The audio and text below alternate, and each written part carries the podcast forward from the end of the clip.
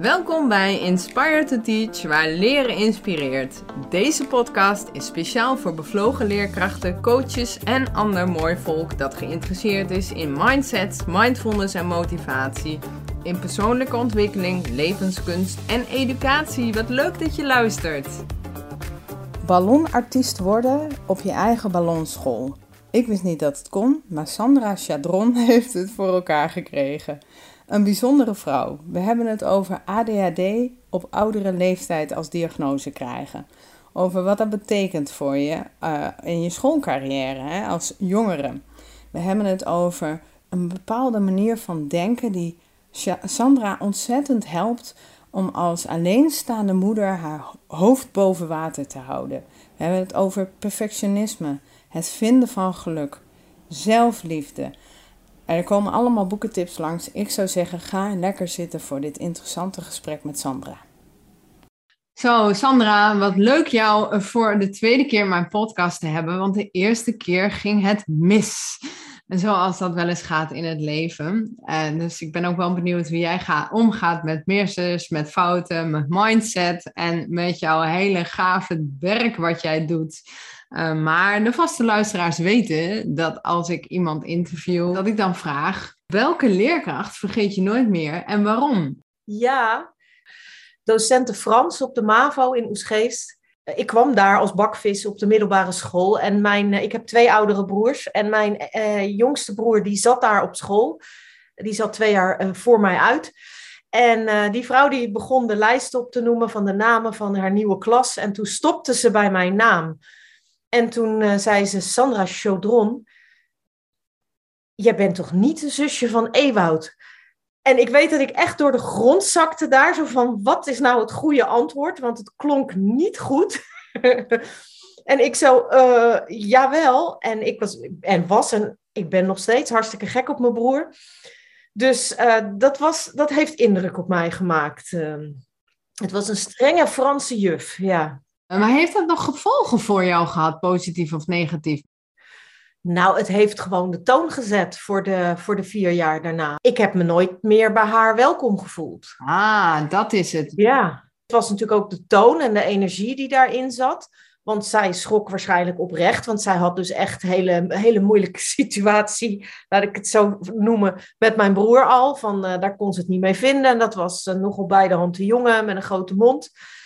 En uh, die had ze liever niet in de klas. Dus het, het is ook het, je bent toch niet. En dan moet je ja zeggen als kind. En dan zit je daar als twaalfjarige met je nieuwe schooltas helemaal. Uh, ja, je wilt natuurlijk uh, onbewust, je wil een goede indruk maken. Je wil erbij horen, je wil welkom zijn.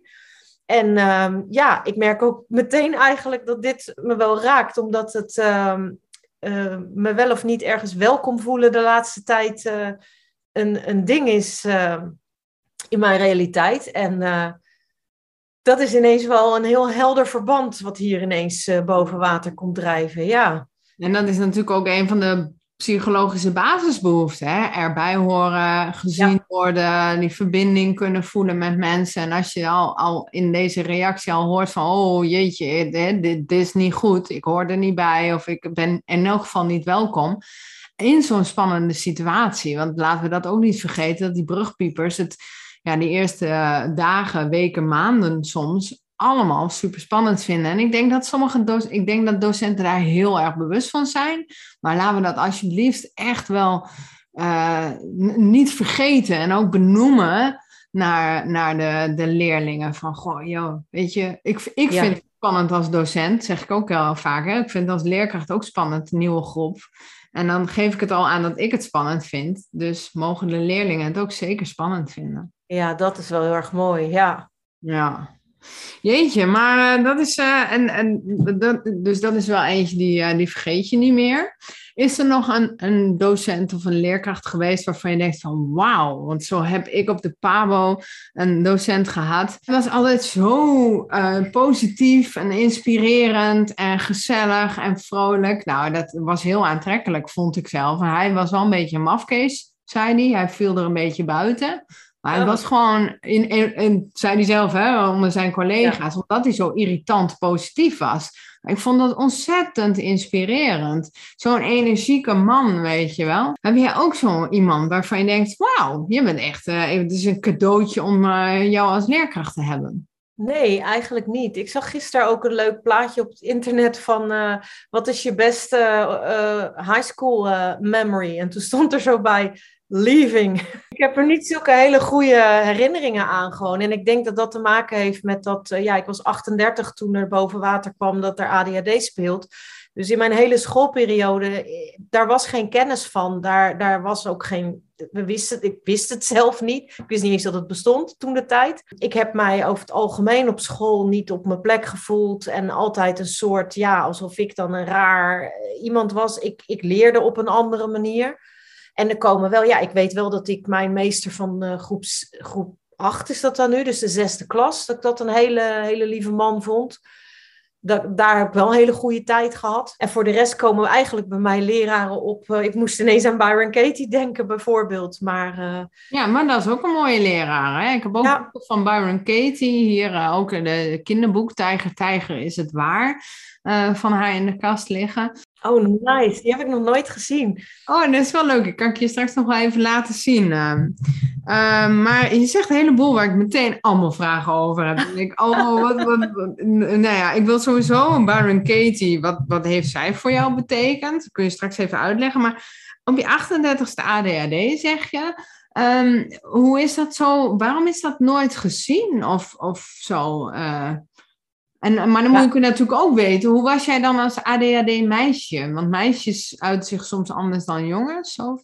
Ja, ik denk dat het, het veel babbelen en uh, ja, kletsen en met uh, andere dingen bezig zijn dan uh, de les of zo, dat dat heel vaak toch wordt toegeschreven als, als meisjesgedrag. Meisjes kwebbelen nou eenmaal veel en die zitten te giechelen en ja, maar... Um, ik denk dat er bij mij twee dingen speelden. Met dat ik dus een concentratieprobleem had. En dat werd gezien als uh, dat ik niet goed kon leren. En dat ik dus misschien ook wel niet heel erg slim was of zo. Dus ik ben uiteindelijk ook op een uh, MAVO, dat was een IVO-MAVO, en dat staat geloof ik voor iets van individueel uh, voortgezet onderwijs of zo. Maar in ieder geval dat je heel veel persoonlijke begeleiding kreeg.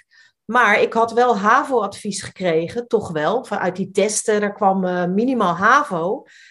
Maar mijn broer zat op die, um, op die IVO-MAVO. En mijn moeder dacht, dat is een goeie, want daar krijgen ze persoonlijke begeleiding. En dan kon je um, uh, extra uren krijgen na de schooltijd. Als je ergens niet zo goed in was, dan kon je uh, extra les krijgen. En je mocht ook...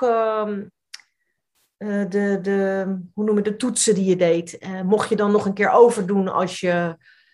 Dus het was een, een mooi systeem. Dus was ook een hele fijne school. Alleen ze hadden daar geen HAVO. Dus ik ben op de MAVO terechtgekomen. En in feite, ja, het is toch altijd weer apart om over jezelf te zeggen. Maar was ik slimmer dan dat? En ik weet vooral ook dat ik uh, over het algemeen heel snel denk. Ik ga heel snel door dingen heen. En zodra dingen langzaam gaan, of voor de meeste mensen misschien op een normaal tempo, dan haak ik af. Want dan ga ik me vervelen. Ik ben al lang door dat boek heen. En um, dus uh, daar is denk ik juist in combinatie met de puberteit van alles uh, misgegaan.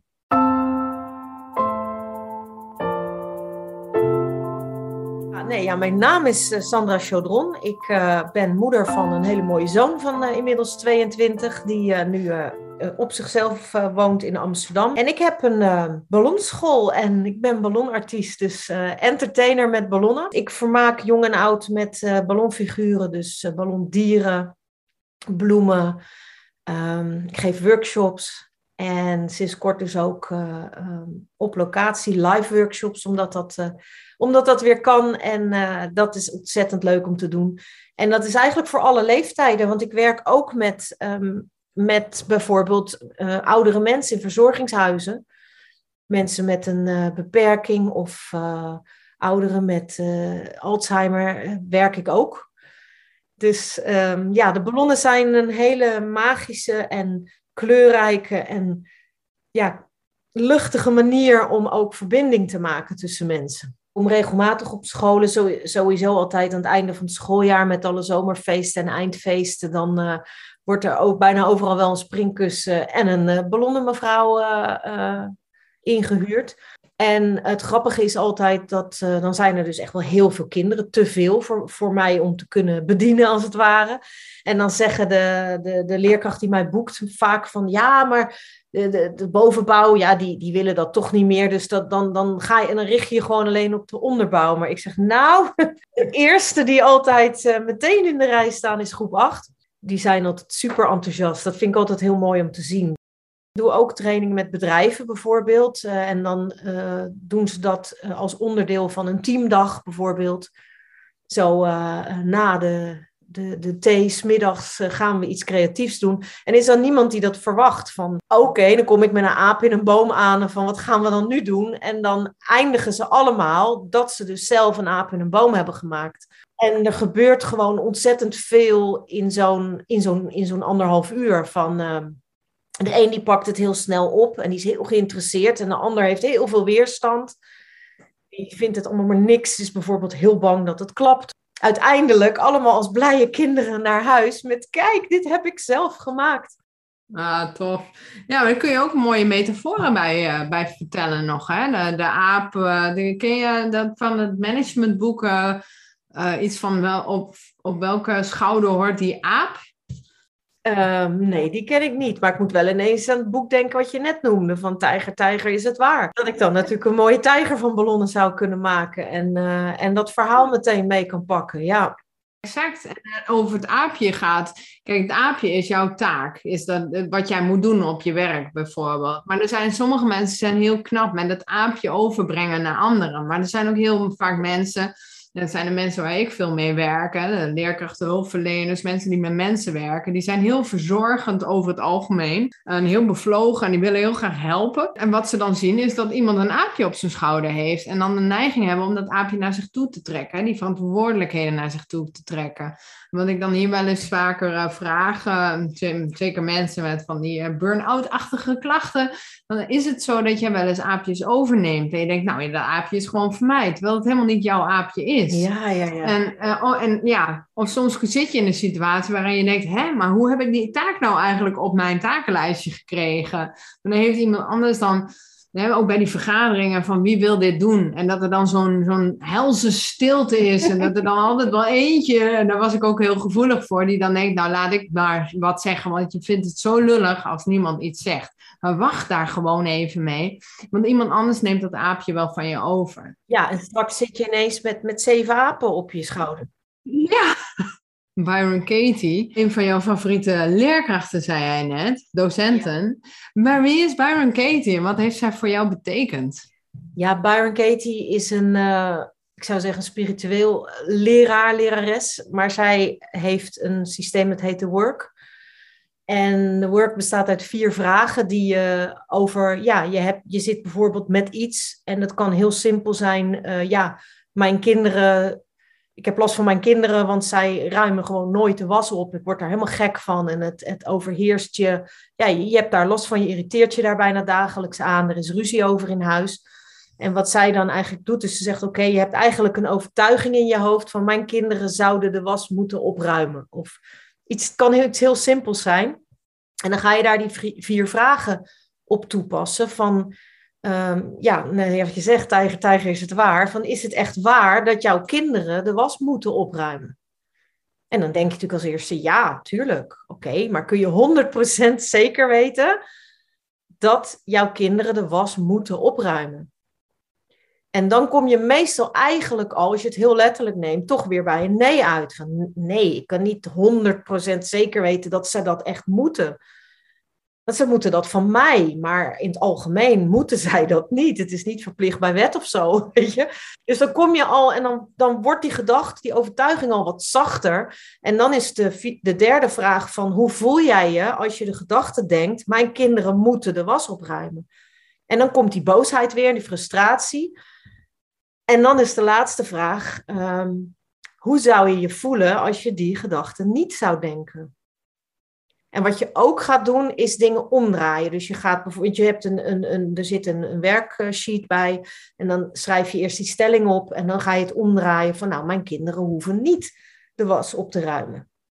En dan ga je daar diezelfde vier vragen weer op toepassen. En, ehm, en dan bijvoorbeeld, uh, ik moet de was opruimen. En nou ja, zo ga je, wat je eigenlijk doet, het is uh, natuurlijk, het gaat allemaal over perceptie, dat je gewoon van een heleboel verschillende, je zit heel erg vast in één bepaalde overtuiging en die ga je als, ik noem het wel als een soort kubus, die ga je gewoon omkeren, van de zijkant, van de onderkant, van de achterkant eens bekijken. En, uh, en dat, uh, dat helpt een heleboel in, um, ja, omdat we toch vaak het meeste lijden onder, onder onze gedachten en onze overtuigingen. En wij zijn er zo van overtuigd dat, dat die gedachte waar is, dat je helemaal klem zit eigenlijk met die gedachten. Ja, klopt. Wat, wat ik heel sterk uh, uh, vind, is dat je dus uh, gaat onderzoeken hoe voel je je en hoe gedraag je je ook als jij die overtuiging met je meedraagt. Hè? Dus je komt thuis en je ziet weer die berg was. En je hebt zoiets van, nou, dat hadden ze al lang moeten gaan opruimen. En je kinderen zijn lekker aan het spelen. En jij komt met die gedachte eh, in aanraking met je kinderen. Je zegt ze gedag. Nou ja, en, en als jij die gedachte niet zou hebben, dat ze die, die was hadden moeten opruimen, had je heel anders gedag gezegd. Had je heel anders binnengekomen, ja. Had je ook andere dingen opgemerkt, hè? Want in het beeld wat jij schetst, zie ik dan voor me dat je dan heel ontspannen binnenkomt. En dan ga je bij je kind zitten en zeggen, hey, hoe is het met je vandaag? En je begint thee te zetten. En het kind begint iets te vertellen wat hij heeft meegemaakt op school. En op het moment dat jij binnenkomt en je denkt, oh, die was. En je gaat meteen zo met gebalde vuisten op je kind af. Van, en ik heb vanmorgen gezegd dat als jij vandaag niet die sokken we noemden, ik noemde haar vroeger vaak ook, uh, want zij heeft, zij, zij heeft um, haar uh, gedachtegoed, haar werk, uh, heeft mij heel veel geholpen in het alleen, alleenstaande moeder zijn. Want ja, ik zeg altijd bij, ik heb ook financieel er alleen voor gestaan. Dus niet alleen in de zorg. Mijn kind was fulltime bij mij en, en ik moest ook alle rekeningen in mijn eentje zien te betalen. Dus dat was best wel een klus. En dan ben je soms gewoon ook heel erg moe. Of, of je voelt je alleen. Of je, je, jij hebt te veel aapjes op je schouders. En um, ondertussen wil je ook die lieve, begripvolle, geduldige moeder naar je kind toe zijn. En het is gewoon allemaal eigenlijk veel te veel.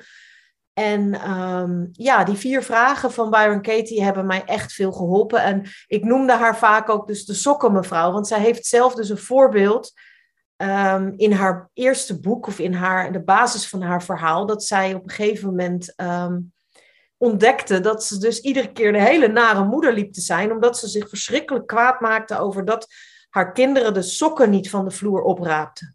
En toen heeft ze een soort van, uh, nou ja, um, inzicht op een gegeven moment gekregen. En in dat verhaal vertelt ze dan dat ze op een, na dat inzicht zij ineens dacht van wat ben ik eigenlijk een irritante moeder geweest de hele tijd en wat doet het er eigenlijk toe? Ik ga voortaan gewoon lekker zingend en dansend door het huis en ik raap al die sokken op. En het grappige is dat daarna gingen de kinderen ineens uit zichzelf de sokken opruimen. Ja, omdat je er ook wel iets leuks en aantrekkelijks denk ik dan van maakt en niet zo'n gedoe en dat zware en het moeten. Ja, en maar het mooie in het verhaal is dat het voor haar niet meer hoefde. Zij, ze, ze maakte haar helemaal niet meer uit. Ze zegt, nee, maar ik vind het wel leuk en ik ga er naar op zoek. En ik denk, oh, dan vind ik er nog één achter het bed. Hoera, superleuk. En ze hoefde van haar helemaal niet meer die sokken in die wasmand te doen. Maar toen gingen ze het ineens doen. Dat vond ik echt heel mooi, ja. Want zo werkt het vaak wel uh, in het leven. Ja, en we, we, we, vergeten daarin soms, we gaan zo op die details zitten en in onze eigen regels die we zelf bedenken, dat we vergeten wat eigenlijk heel belangrijk is. Pas als er dan uh, echt stront aan de knikker is, hè, er is er sprake van ziekte, dood, scheidingen, weet ik veel wat, dan in één keer weten we wel wat er belangrijk is. En dat, is, ja, dat vind ik soms wel eens triest, hè. En dan, dat vind ik zo mooi aan, mensen die... Um, aan, uh, geïnteresseerd zijn in persoonlijke ontwikkeling. En dat, soms ben je daarin geïnteresseerd omdat je denkt van ja, zoals het nu gaat, dat wil ik niet meer. Het moet echt anders. Maar in, in, veel gevallen is het ook zo. Ja, je hebt in elk geval wat geleerd en dat vond je zo gaaf over jezelf en over de wereld. En je bent meer dingen gaan begrijpen. En, en ja, je gaat gewoon oh, preventief op onderzoek uit en je wil gewoon daar meer van weten. Tenminste, zo geldt dat wel voor mij hoor. Ik ben ook met mindfulness in aanraking gekomen. Eigenlijk omdat ik dacht, als ik zo langer doorga, dan word ik niet oud. ik noem maar een voorbeeld. Maar inmiddels vind ik de, het brein en, en hoe het allemaal werkt. En uh, je gedachten, overtuigingen en gezondheid. En hoe blijf je nou fit en vitaal? Niet alleen qua lichaam, maar ook mentaal en emotioneel. Vind ik een cadeautje om mee bezig te gaan. Nou ja, en als je dan helemaal je werk ervan maakt, dan, uh, dan kun je bijna niet anders. Hè? Dan moet je er dagelijks mee bezig. Ja, maar het klinkt zoals jij het nu vertelt ook wel echt gewoon als je passie.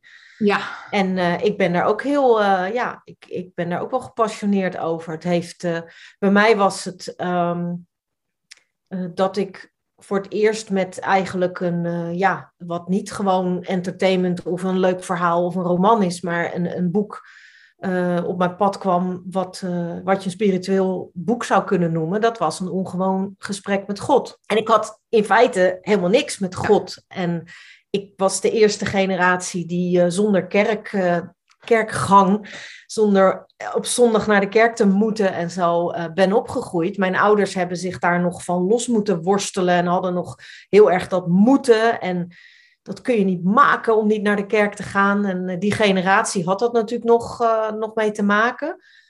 En um, dus het, het trok mij heel erg aan in de zin van dat ik dacht van ja, een ongewoon gesprek met God, die titel, die trok mij gewoon aan. Ik was in een boekwinkel en ik dacht echt van ja, maar waar gaat dit dan over? Wat, waar gaat dat gesprek dan over? En toen het idee dat van zo, oké, stel dat, dat hij of zij dus wel bestaat en je zou ermee kunnen, een gesprek kunnen hebben, wat zou je dan vragen? Dat vond ik toch wel heel uh, interessant. Dus uh, ik wil hem binnenkort eens opnieuw gaan lezen, want het is toch wel twintig jaar geleden dat ik dat boek gelezen heb even te kijken. Oh, er komt een collecte. komt iemand te collecteren. dat is helemaal niet handig. Uh, ja, ja, zie, daar komt hij. Ik zou even zo Kijk, dit is altijd leuk in een podcast. Ik babbel gewoon door en uh, misschien zit het er wel in, in de, in de uitzendingen, misschien ook niet. Maar um, ik heb zelf ook een podcast, dat heet de Helemaal Happy Podcast. En gaat over geluk en de liefde en... Um, en uh, ja, zo uh, happy mogelijk zijn met alles wat er voorbij komt in je leven. En er horen dus ook dit soort situaties bij, dat je alles hebt geregeld voor een interview. En dan gaat ineens de buurman boren of er komt een uh, collecte aan de deur. Dus um, ja, ik heb gewoon even lekker verder gebabbeld. Ik, ik, luister veel naar Koekeroe van Giel Belen. Vind ik echt een aanrader. Vind ik een geweldige podcastserie. En Giel valt mij op, die gaat regelmatig, zegt hij, ja, ik moet nu echt plassen. En en dan gaat hij even naar het toilet en dan uh, zijn gast die babbelt dan gewoon nog even verder. Maar hij is ook altijd heel snel weer terug. Vind ik juist leuk, want toen ik dus, uh, ik heb net dan uh, even mijn helemaal happy podcast laten vallen, waar ook een interview met Mariska in een aflevering is. Ik weet niet uit mijn hoofd welke aflevering, maar op Spotify te vinden. Um, en dat ik in het begin, ik had toen een uh, interview met uh, Joyce en, uh, en, en toen hadden we een heel mooi gesprek en toen gingen er ineens een heleboel honden blaffen.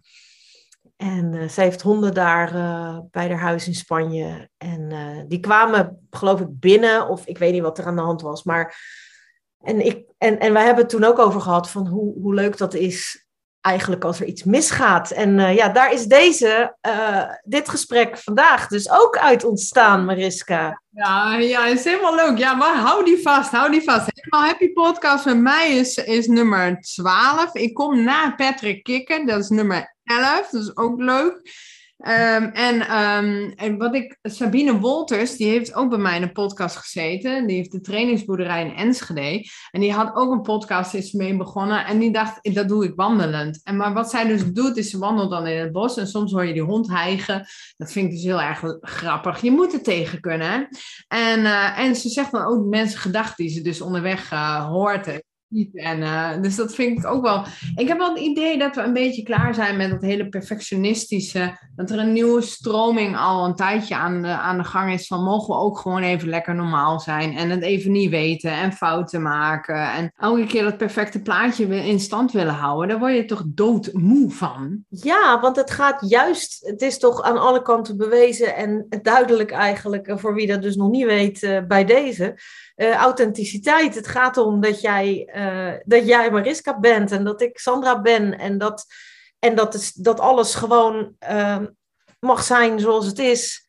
En het aan ons is om, om dat gewoon ehm, te omarmen. En ook als je dus. Ik kan bijvoorbeeld heel slecht tegen eet- en drinkgeluiden. Dus dat is wel een ding dat als mensen regelmatig in een bepaalde podcast het normaal zouden vinden om dan altijd maar te eten en te drinken en te gaan smakken in die microfoon, dan zou ik daar wel op af kunnen haken. Maar als het onderwerp en de presentator weer boeiend genoeg zou zijn, dan kan het ook zijn dat ik mezelf daar doorheen beweeg.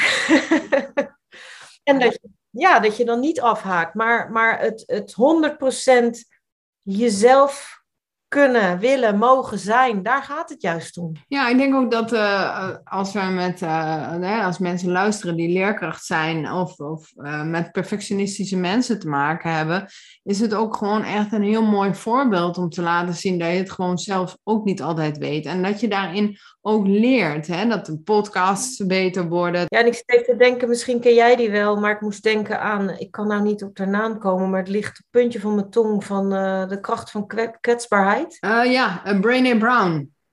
Ja, fantastisch mens. Ja, ik vind haar echt helemaal leuk. Ze heeft ook een Netflix special, hè? Dat is echt zeker voor wie dat, dat nog niet kent, echt een aanrader. Ik heb jarenlang dus geprobeerd om anders te zijn dan ik was. Wat uh, uh, ja, er natuurlijk in resulteerde sowieso uh, een soort chronische vermoeidheid, zowel mentaal als fysiek. En ook chronisch ongelukkig zijn, diep van binnen.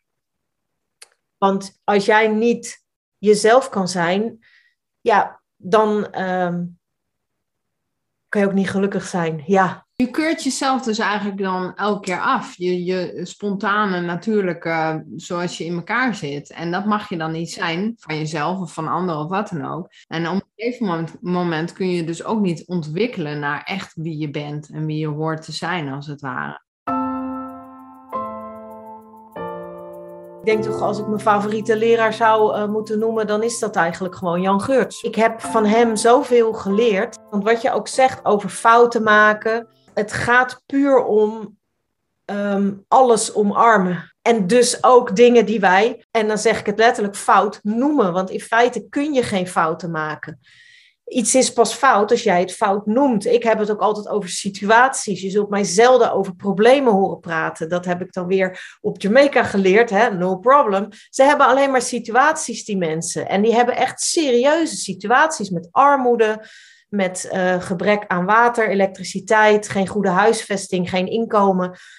En ze zeggen, ja, maar wij hebben gewoon geen problemen hier op Jamaica. Want wij hebben alleen maar situaties. En het is puur of jij er een probleem van maakt, of je denkt, oké, we hebben vandaag geen water. Ja, punt. Ja, ik zeg maar wat, stel uh, morgen ga ik trouwen en ik heb een hele mooie locatie buiten alles. En, en dat is helemaal mijn droombruiloft. En ineens gaat het keihard regenen morgen, dan is dat voor mij een probleem. Maar voor de boer die een droog land heeft en al weken hoopt dat het gaat regenen, is het groot nieuws dat het morgen gaat regenen. Dus het feit dat het gaat regenen is gewoon helemaal geen probleem. Het is alleen maar een situatie, het is een weersomstandigheid. En ook jouw gedachten. Dat is juist wat ik altijd, eh, ja, wat ik graag, graag uh, steeds maar weer herhaal. Wat Jan Geurts mensen leert, is eerste plaats het liefdevol aanwezig zijn bij alles wat er is. En daar vervolgens niet over te oordelen.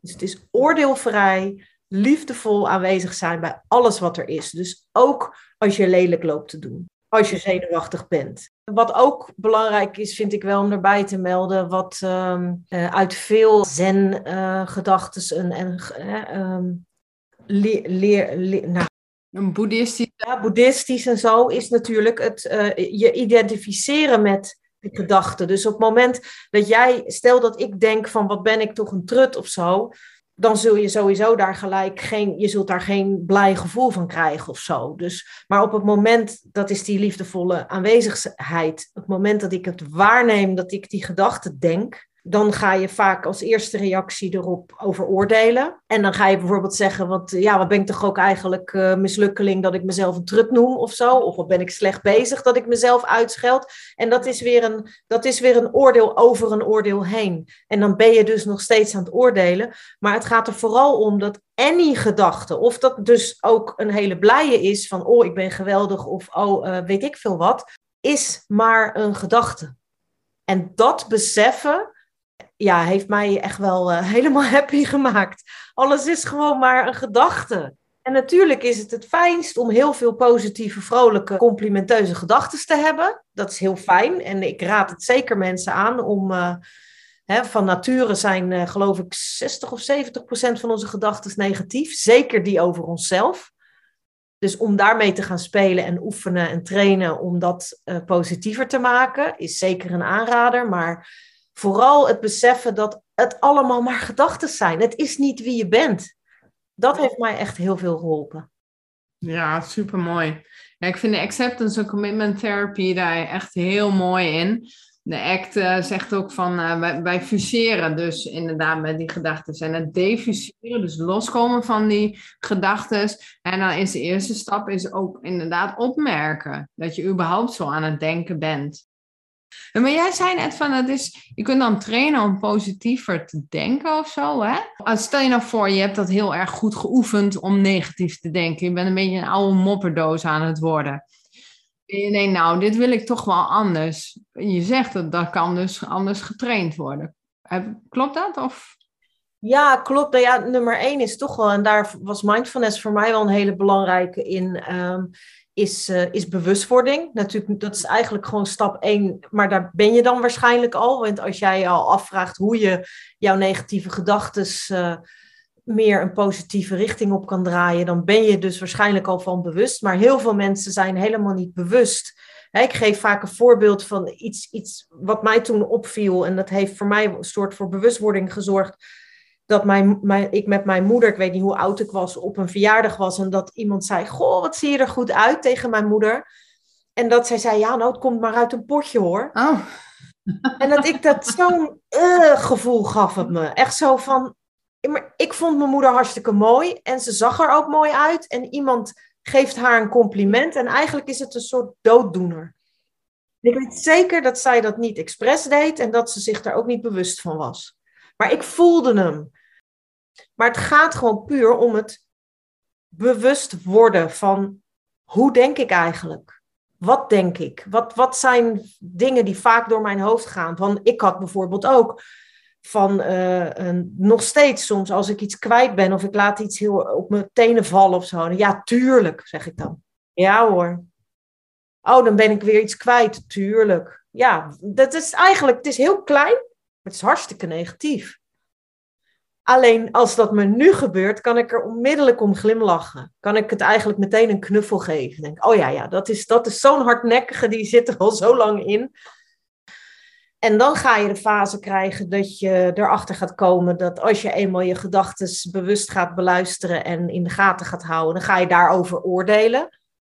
Oh, loop ik weer negatief te denken? Ja, tuurlijk loop ik weer negatief te denken. Of, hè? En, nou, en dan en dan kom je in die, in die fase van acceptatie. En, en dat is een, en bij mij heeft het heel erg geholpen. En daar heeft uh, al veel vroeger heb ik boeken van Louise Hay op mijn pad gekregen. Dus denk ik ook inmiddels, dat was rond mijn dertigste ook zo'n beetje uh, twintig jaar geleden. Dat ik, en dat ik ook nog, toen had ik zo'n kaart van Louise, Louise Hay. Dat, dat is met een regenboog erop. En dat zijn zo tien regels om uh, van jezelf te leren houden. Heel mooi. Die kun je ook in, in, uh, in spirituele winkels hebben ze die vaak nog als kaart. Dat kun je aan je muur hangen. Daar heb ik toen veel aan gehad. Maar die had ik dus in mijn uh, huis staan. En sorry mam dat ik je weer iets over je vertel. Maar um, dat ik weet dat mijn moeder bij mij thuis kwam. Toen was ik een jaar of 29, 30. En die zag dat staan en zo. Oh ja, houden van jezelf. Oh, dat vind ik toch zo'n onzin. En toen ging ze weer verder over de koffie en de thee, weet ik veel. Maar die opmerking, dat, dat maakte zoveel duidelijk voor mij. denk, dit is mijn eigen moeder die zegt dat van jezelf houden onzin is. En ook in deze situatie weer was ze zich daar waarschijnlijk niet van bewust. En als ik het er nu vertelde, zou ze zeggen, dat heb ik nooit gezegd. Ja, maar en er is natuurlijk ook wel, ik, ik ken dat ook wel, dat ik, dat ik eerder van een soft gelul, weet je wel, zo en van jezelf houden. Maar daarvoor zitten, hè, wat ik veel mensen hier eh, in mijn praktijk uh, met hun behandel, is dan van hoeveel gun jij jezelf? Hè? Dat is niet van hoeveel hou je van jezelf, want dat is nog een bridge too far. Uh, mag ik even mijn bak hier, gaffer?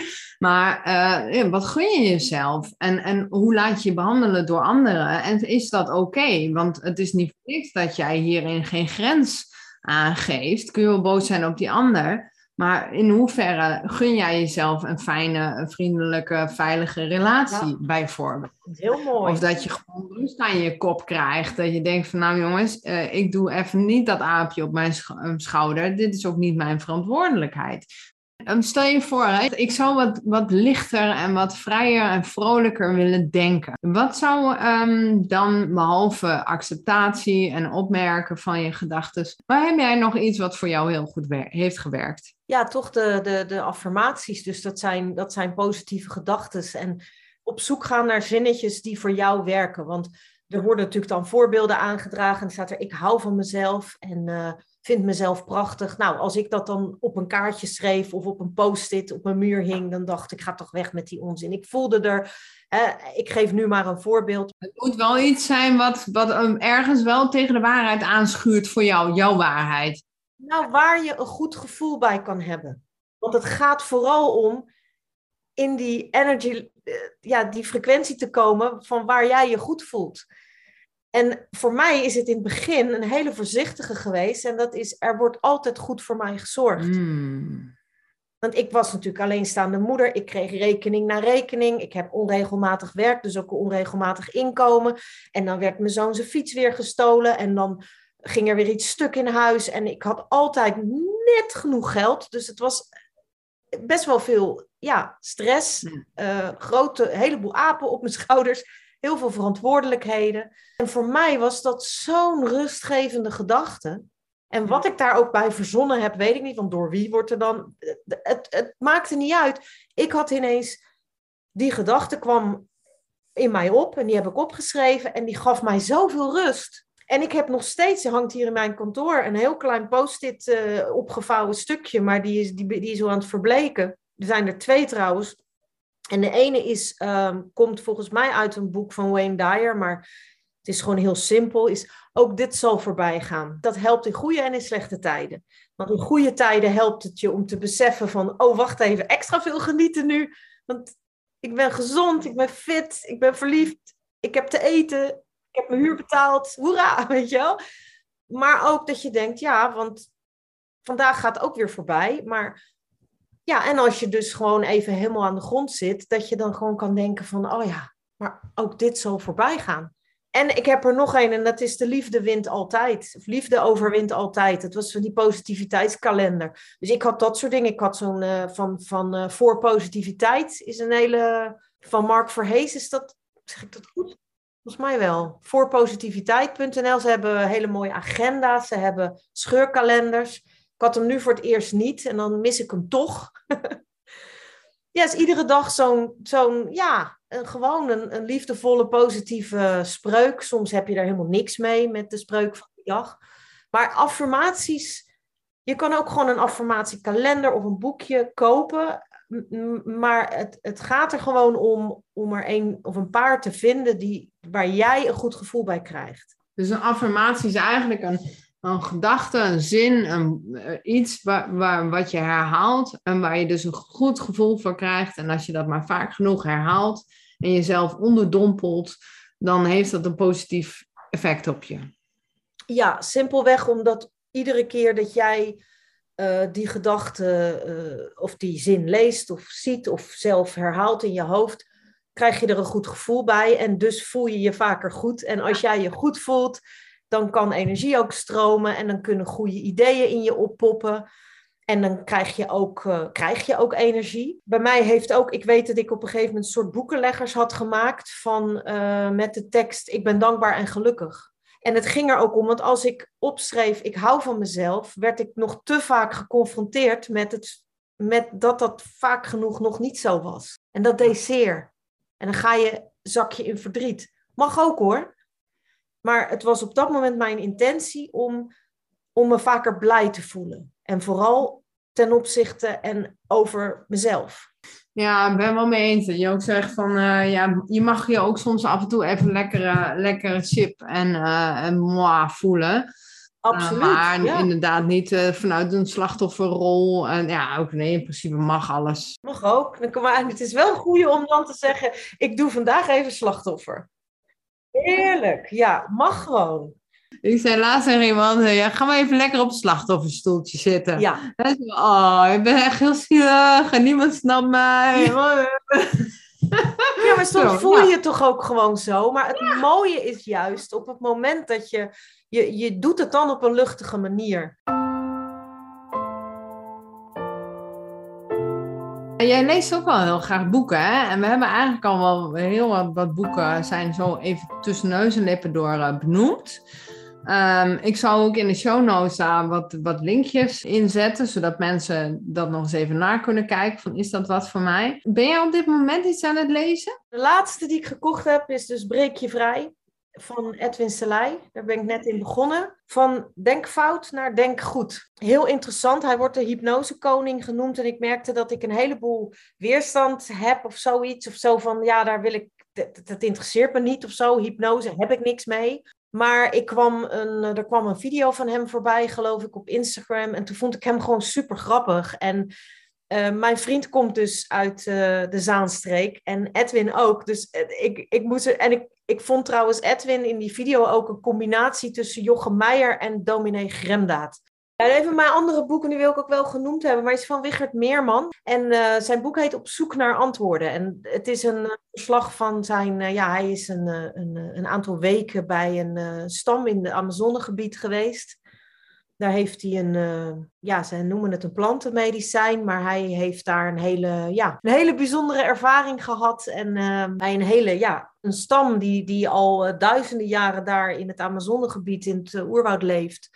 En zij, hebben, zij kennen iedere plant en de werking van iedere plant en fruit en blad en alles wat er om zich. En zij leven volledig, natuurlijk wat wij dan zelfvoorzienend noemen, is voor deze mensen eh, heel normaal. En uh, hij is, geloof ik, vanwege interesse in ayahuasca, is hij uh, uiteindelijk uh, bij deze stam ook terechtgekomen. En, maar zijn hele proces en. Um, ja, het is, het is, uh, ik vind dat een heel mooi boek. Dus uh, hij vertelde ook wel dat hij op een gegeven moment uh, midden in de nacht wakker werd. Want hij werd op een gegeven moment ook voor een week of een aantal dagen word je dan apart gezet. Dus je komt in een hut en daar is gewoon niemand. Hij kreeg een, een soort paniekaanval of een paniekgedachte en realiseerde zich ineens van ik zit hier, wat doe ik in godesnaam? Ik zit midden in een hut op een dag lopen van deze stam. En de dichtstbijzijnde ziekenhuis of westerse arts of wat dan ook, is gewoon drie dagen reizen. En dan zit je daar op advies van een, een, een Braziliaanse shamaan, zit je plantendrankjes te drinken die een hallucinerende werking hebben. Dus uh, ja, echt uh, diep, diep respect voor, uh, voor Wichert en zijn verhaal. En ehm, heel interessant. Gewoon ook heel nieuw natuurlijk, want het is, het is heel uniek zijn, um, zijn verhaal.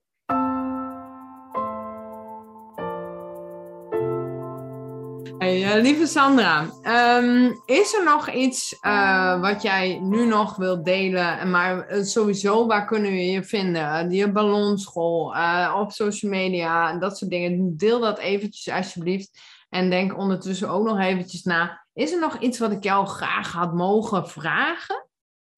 Nou, allereerst ballonschool.nl. Het is dus uh, Ballonschool, want uh, mijn werknaam is ballonartiest Bloonie. En um, op uh, Instagram is het ook ballonschool. En ja, volg ons, like ons. YouTube zit ik ook.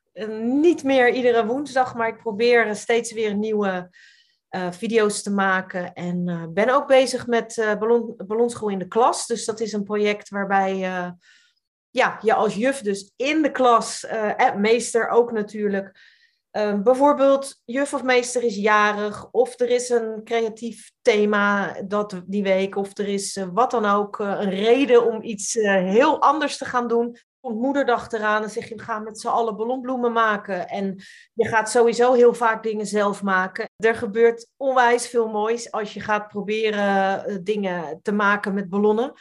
En wij hebben dus uh, video's en we hebben een, een, een, pakket wat naar de klas gaat met pompjes en ballonnen. En uh, een uh, uitlegvideo ook voor de docenten nog van do's en don'ts. En waar kun je tegenaan lopen.